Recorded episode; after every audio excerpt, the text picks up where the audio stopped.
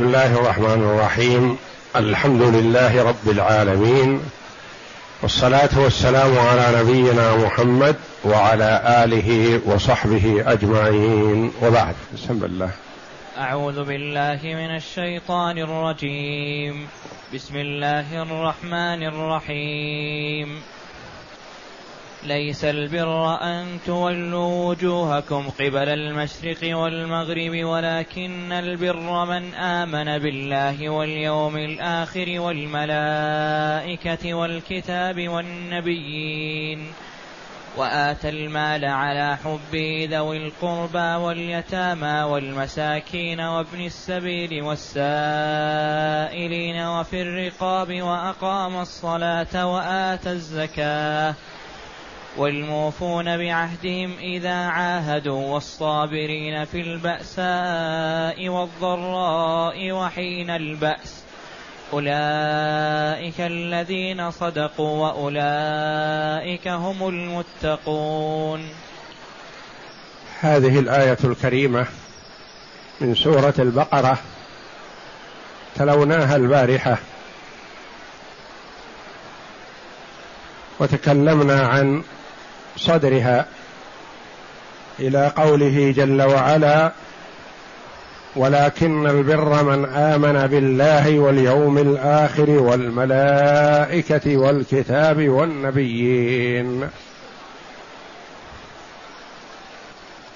وسنبدأ الآن بقوله جل وعلا وآتى المال على حبه ذوي القربى الآية. ليس البر أن تولوا وجوهكم قبل المشرق والمغرب. سبق أن قلنا إن اليهود قالوا الحق معنا فتوجهوا معنا قبل بيت المقدس. والنصارى قالوا الحق معنا من أراد البر فليستقبل المشرق. فأنزل الله جل وعلا ليس البر أن تولوا وجوهكم قبل المشرق والمغرب. فالبر ليس بالتوجه وإنما البر بالامتثال. التوجه إلى جهة ما لا ميزة لمشرق على مغرب. وإنما الشأن كل الشأن في امتثال أمر الله جل وعلا. ثم بين جل وعلا ما الذي يجب على من أراد البر. ولكن البر من آمن بالله واليوم الآخر والملائكة والكتاب والنبيين.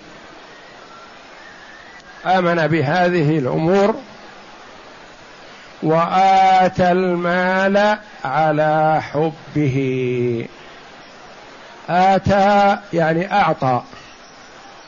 أعطى المال على حبه. الضمير في قوله تعالى على حبه. على ماذا يعود؟ أعاده المفسرون رحمهم الله على واحد من ثلاثة. اتى المال على حبه على حب المال. حبه حب المال.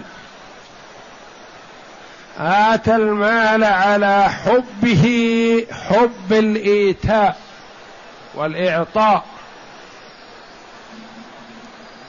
اتى المال على حبه على حب الله تبارك وتعالى.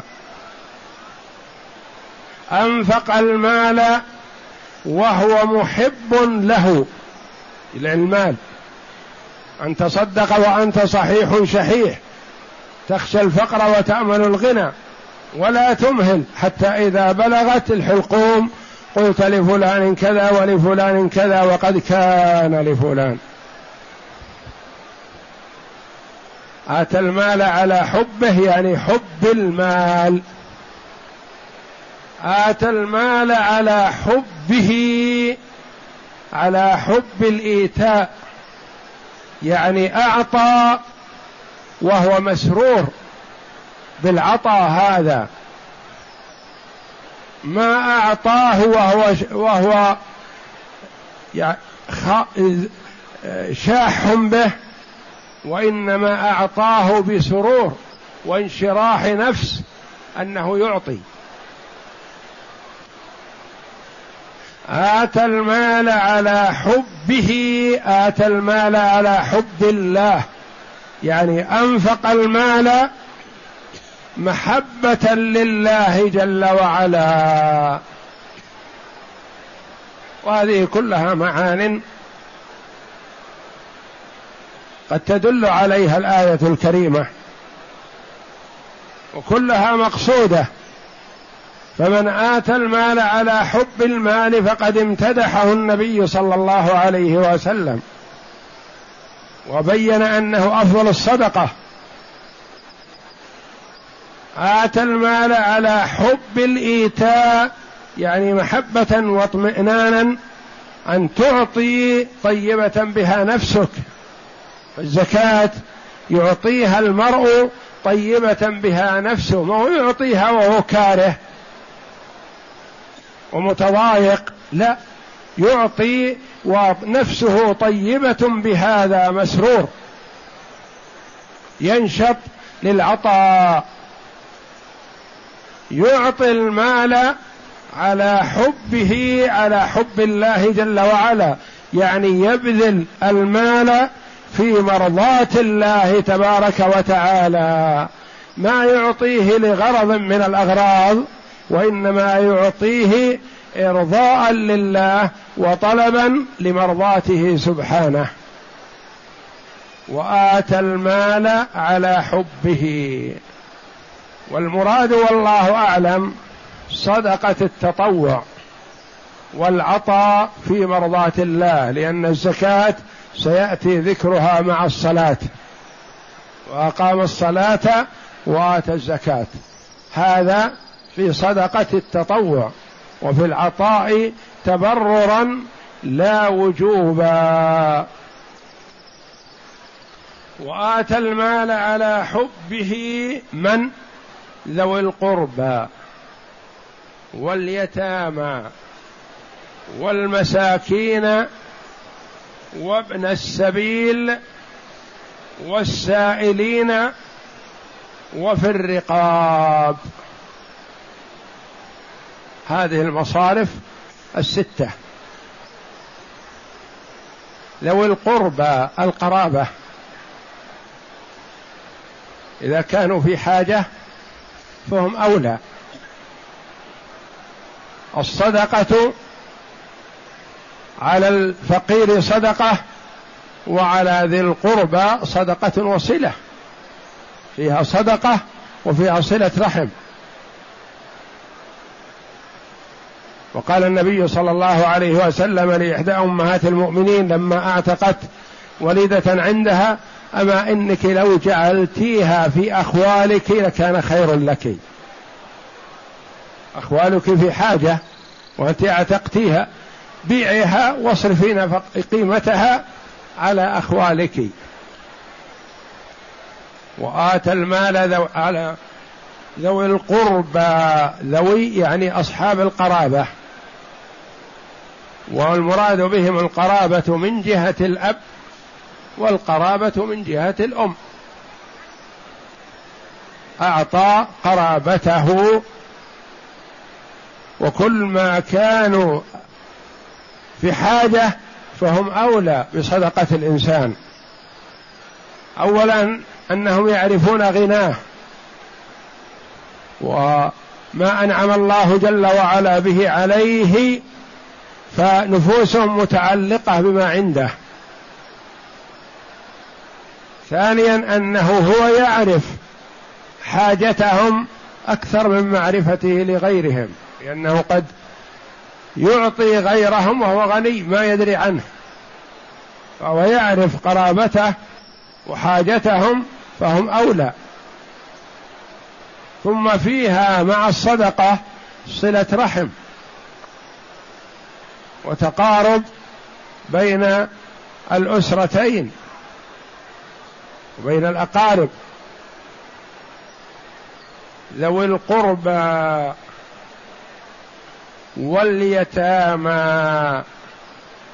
اليتيم من بني آدم من مات أبوه قبل أن يبلغ الحلم. واليتيم من الحيوانات من ماتت أمه. لأن الحيوان تعلقه بأمه لا بأبيه. أبيه لا يعرفه.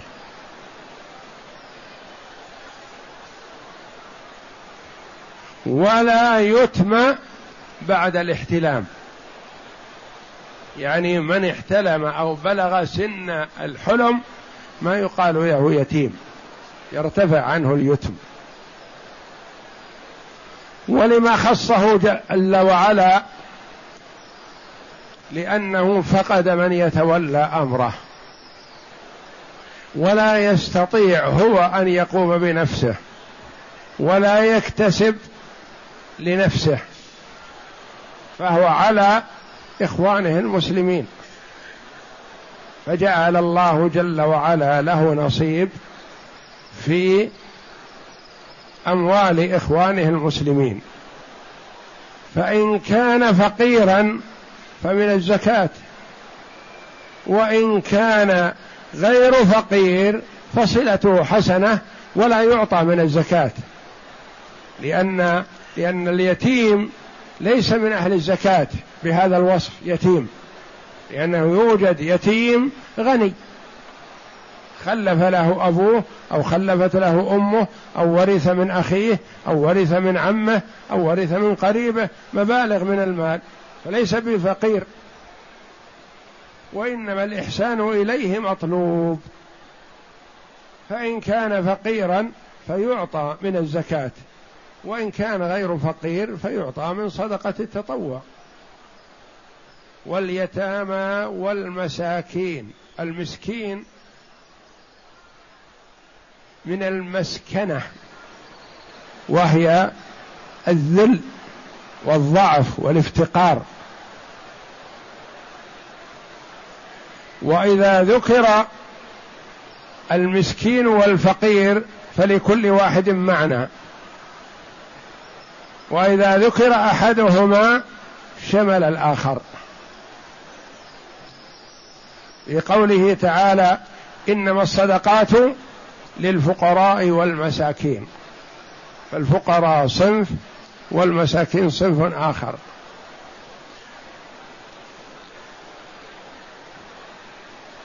كفارة اليمين فإطعام عشرة مساكين من أوسط ما تطعمون أهليكم. عشرة مساكين لو أعطيتها لعشرة فقراء أجزأت. لأن المقصود فقير أو مسكين.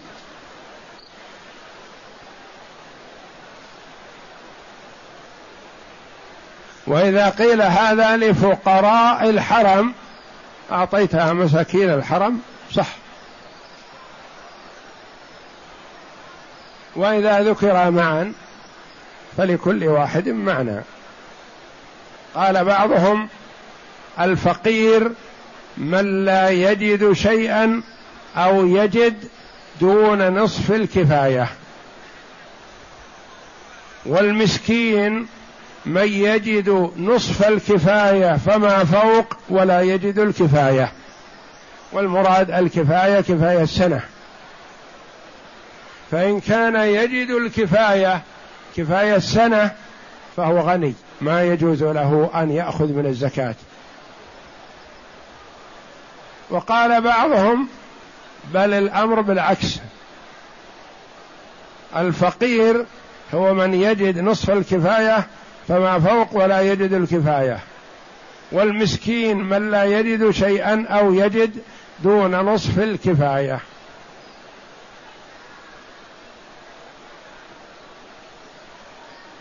ومن يجد الكفاية فيعتبر غنيا ليس فقيرا ولا مسكينا.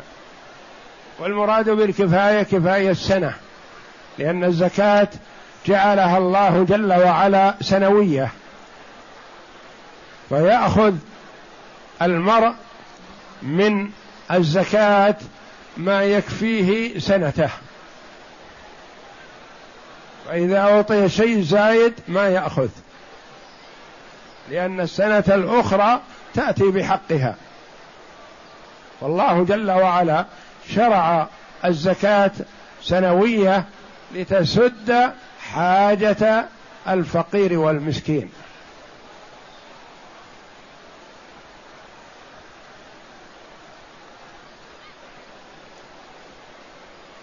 واليتامى والمساكين وابن السبيل. ابن السبيل هو قيل المراد به الضيف. وقيل المراد به المسافر غير المستقر. جعل الله له نصيب في مال الأغنياء لأنه من كون في الطريق لا في بلده ولا عند أهله. في حاجة ولو كان في بلده غني إذا احتاج في الطريق فيعطى من الزكاة. ويسمى ابن سبيل لكونه لازم الطريق يعني غير مستقر.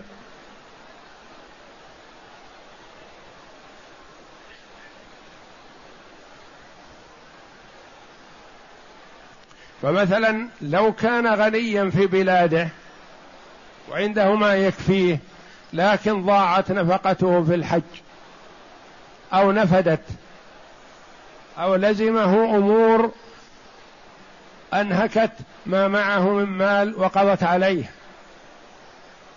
فهذا يعطى وإن كان غنيا في بلاده. والمراد والله أعلم إذا كان ما يستطيع الوصول إلى ما في بلاده. كالحال سابقا.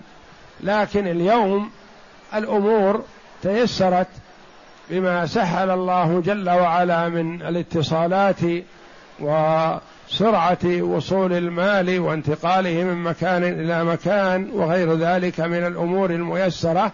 إذا كان يستطيع إعفاف نفسه من ماله فلا يأخذ.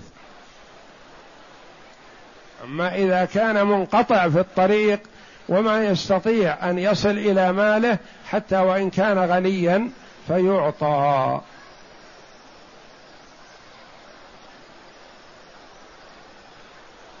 والمساكين وابن السبيل والسائلين. السائل من يسأل. يطلب المساعدة. سواء كان لنفسه بأن كان فقير. أو لأمور أخرى كأن يكون تحمل حمالة فيسأل لسدادها. تحمل حمالة إصلاح بين فئتين بين قبيلتين بين أسرتين بين شخصين. والتزم لهذا بعشرة آلاف ولهذا بعشرين ألف وأصلح بينهم. فيعطى إذا سأل لسداد ما التزم به. والسائلين. وسماه الله جل وعلا في أصناف الزكاة الغارم والغارمين. غارم مدين لنفسه. غارم ملتزم بمال لغيره لإصلاح ذات البين. ولا يجوز للمرء أن يسأل إلا من حاجة. وينبغي للمسؤول أن يعطي إذا كان عنده قدرة. ولا يرد السائل حتى وإن كان يظهر عليه الغنى أو يظهر عليه القوة أو يظهر عليه القدرة على التكسب يعطيه. ولو ظلف محرق. كما قال النبي صلى الله عليه وسلم للمرأة لا تردي. تقول يأتيني السائل وما عندي شيء أعطيه. فقال لا ترديه ولو بظلف الذي تاط عليه الشاة أسفل رجل الشاة محرق يعني مشوي أي شيء يسد حاجته. وعائشة رضي الله عنها لما جاءتها السائلة مرة أعطتها ثلاث تمرات ومعها ابنتان فأعطت واحدة واحدة والأخرى الثانية وأرادت أن تأكل المسكينة التمرة الثالثة فاستطعمتها بنتاها فشقتها نصفين وأعطتها إياهما ولم تذق منهما منها شيئا. وسائلة أخرى إلى عائشة ما كان عندها إلا تمرة واحدة فأعطتها إياها ومعها ابنتان فقسمتها بينهما. فتعجبت عائشة رضي الله عنها من هذا وأخبرت النبي صلى الله عليه وسلم.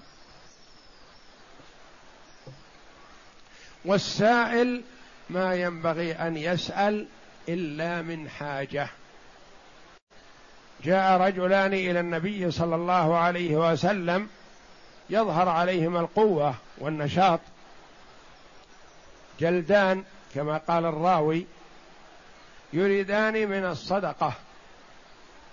فقال النبي صلى الله عليه وسلم إن شئتما أعطيتكما ولا حظ فيها لغني ولا لقوي مكتسب.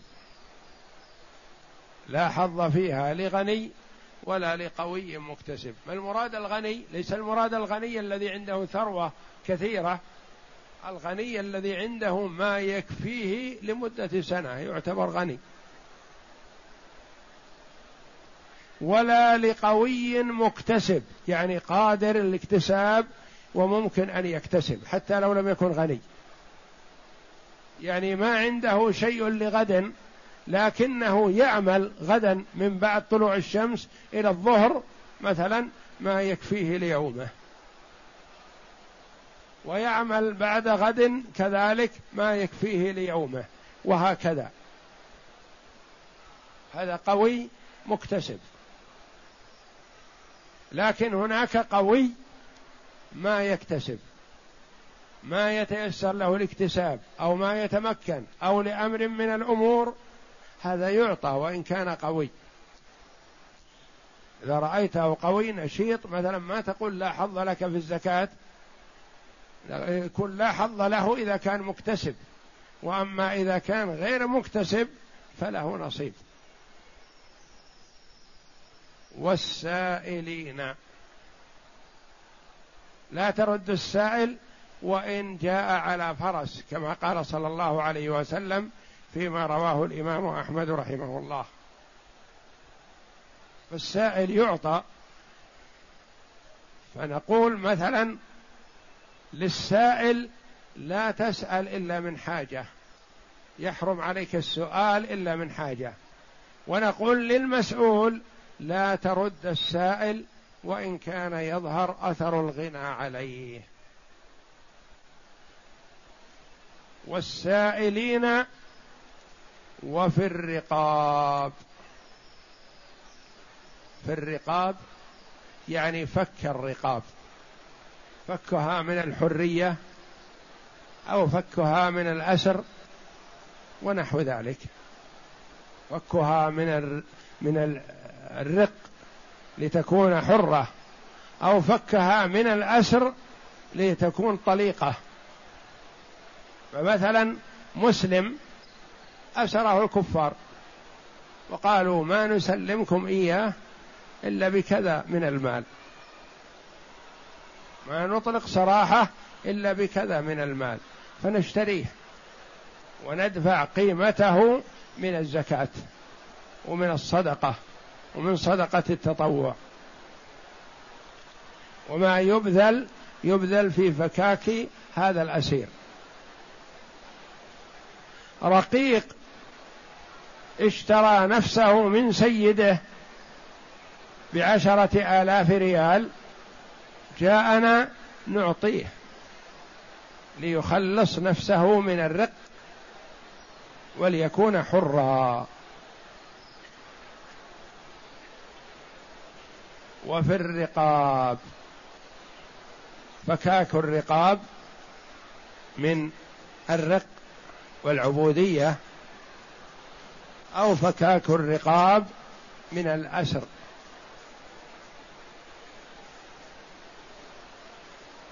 وأقام الصلاة هذا البر.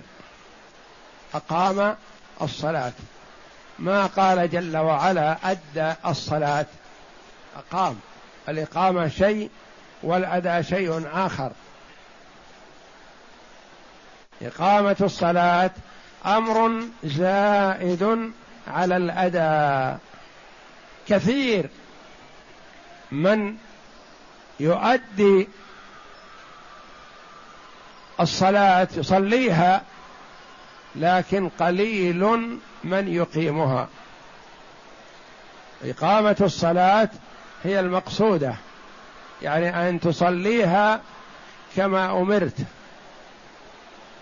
صلوا كما رأيتموني أصلي. يقيم الصلاة بأداء ما يلزم لها من طهارة وسترة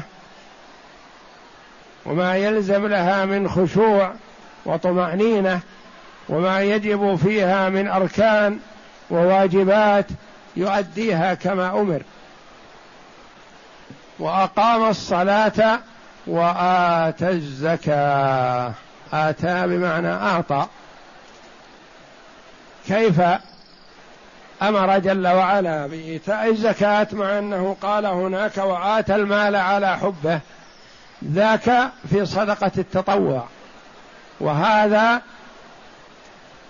إيتاء الزكاة هذه الزكاة الواجبة قرينة الصلاة. قرنها الله جل وعلا مع الصلاة. وأبو بكر رضي الله عنه أقسم بالله ليقاتلن من فرق بين الصلاة والزكاة. لأن النبي صلى الله عليه وسلم كان يبعث الجبات والسعاة لجمع الزكاة. ما مات عليه الصلاة والسلام ارتد كثير من العرب. ومنهم من لم يرتد لكن قال لا نؤدي الزكاة. أديناها لمحمد لكن لا نعطيها لأبي بكر. فعزم أبو بكر رضي الله عنه على قتالهم وناقشه بعض الصحابة رضي الله عنهم. كيف تقاتلهم وهم يشهدون أن لا إله إلا الله وأن محمد رسول الله ويصلون؟ قال والله لأقاتلن من فرق بين الصلاة والزكاة. والصلاة والزكاة قرينتان. ما تصلح إحداهما بدون الأخرى. قال عمر رضي الله عنه فلما رأيت أن الله شرح صدر أبي بكر للقتال علمت أنه الحق. أن أبا بكر رضي الله عنه عزم على قتال مانع الزكاة كقتال المرتدين. وأقام الصلاة وآتى الزكاة. أداها كما افترضها الله جل وعلا لمستحقيها وصدقة التطوع تصلح لمن لا تصلح له الزكاة المفروضة. الزكاة المفروضة حدد الله جل وعلا أهلها ثمانية أصناف. صدقة التطوع تصح لكل عمل في قربة لله جل وعلا. وفي كل كبد رطبة أجر. ولمن لا تحل له الزكاة صدقة التطوع تحل له. وآتى الزكاة والموفون بعهدهم إذا عاهدوا. المسلم المؤمن إذا عاهد التزم بعهده. المنافق هو الذي إذا عاهد غدر. ما يوثق به. الموفون بعهدهم. والعهد يكون عاما وخاص. عهد بينه وبين الله بأداء الفرائض. واجتناب المحرمات. هذا عهد عهد مع الإمام. تعاهد مع شريك وصاحب وجار على أمر من الأمور. فالمؤمن يفي بعهده والمنافق هو الذي يغدر. والموفون بعهدهم إذا عاهدوا. والصابرين في البأساء والضراء وحين البأس. الصبر درجة عالية عظيمة. امتدح الله جل وعلا الصابرين ووعدهم على صبرهم الثواب العظيم. والصبر أنواع. صبر على طاعة الله وصبر عن معصية الله وصبر على أقدار الله المؤلمة. والله جل وعلا يقول إنما يوفى الصابرون أجرهم بغير حساب. والصابرين في البأساء في الجوع والحاجة يصبر ويحتسب ويتصبر والضراء في المرض يبتلى بالمرض فيصبر ويحتسب ولا يظهر الجزع والاعتراض على الله جل وعلا. وحين البأس حين القتال قتال الأعداء. البأس الحرب وحين البأس أولئك الذين صدقوا وأولئك هم المتقون. أولئك الذين صدقوا فيما عاهدوا الله جل وعلا عليه. صدقوا في إيمانهم بالله وبما عطف عليه. هؤلاء الذين اتصفوا بهذه الصفات هم الصادقون. والصدق منزلة عالية رفيعة حث عليه النبي صلى الله عليه وسلم بقوله عليكم بالصدق فإن الصدق يهدي إلى البر وإن البر يهدي إلى الجنة ولا يزال الرجل يصدق ويتحرى الصدق حتى يكتب عند الله صديقا. وإياكم والكذب فإن الكذب يهدي إلى الفجور والفجور يهدي إلى النار ولا يزال الرجل يكذب ويتحرى الكذب حتى يكتب عند الله كذابا. وأولئك هم المتقون الذين اتقوا الشرك والكفر. ما يقال اتقوا المعاصي لأن حتى هؤلاء الموصوفون بهذه الصفات قد يرتكبون بعض الأخطاء والمعاصي. وإنما اتقوا الشرك لأن هذه تتنافى مع الشرك ولا تستقيم. لكن قد يكون المرء من أصحاب البر وممن قام بهذه الأمور وقع في أخطاء. وقع في سيئات يغفرها الله جل وعلا له. والصابرين بالبأساء والضراء وحين البأس أولئك الذين صدقوا وأولئك هم المتقون الذين اتقوا المحارم اتقوا الكفر والشرك بالله جل وعلا بالإيمان به واتباع رسله. هؤلاء أثنى الله جل وعلا عليهم وهذه صفة البررة الأخيار من أرادها وضحها الله جل وعلا في كتابه.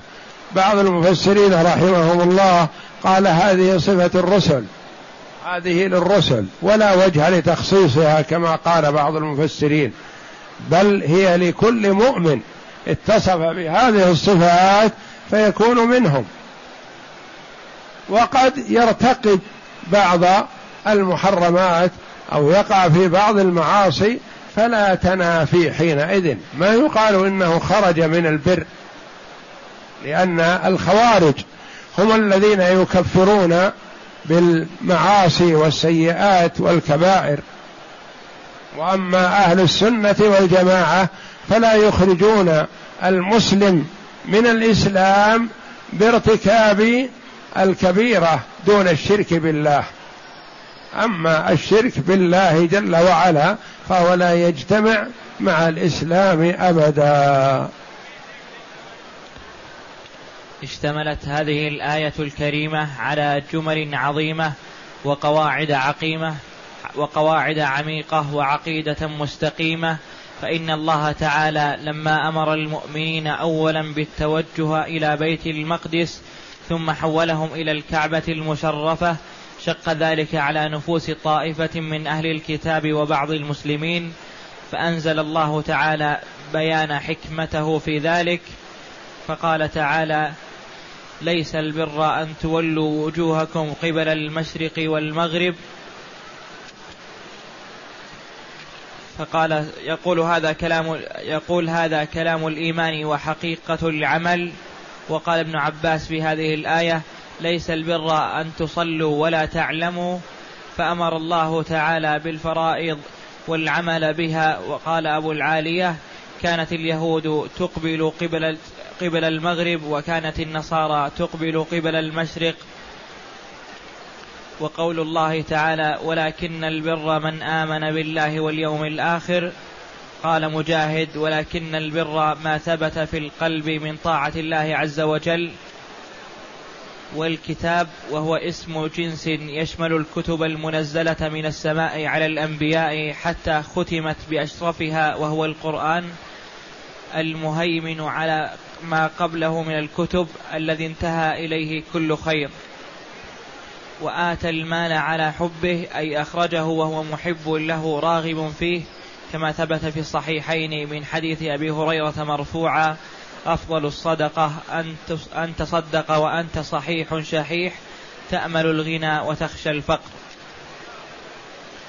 وقوله تعالى ذوي القربى وهم قرابات الشخص وهم أولى من أعطي من الصدقة كما ثبت في الصحيح كما ثبت في الحديث الصدقة على المساكين صدقة وعلى ذوي الرحم ثنتان صدقة وصلة فهم أولى الناس بك وببرك وإعطائك. وقد أمر الله تعالى بالإحسان إليهم في غير موضع من كتابه العزيز واليتامى وهم الذين لا كسب لهم وقد مات آباؤهم وهم ضعاف صغار دون البلوغ والقدرة على التكسب. وقد قال رسول الله صلى الله عليه وسلم لا يتيم بعد حلم.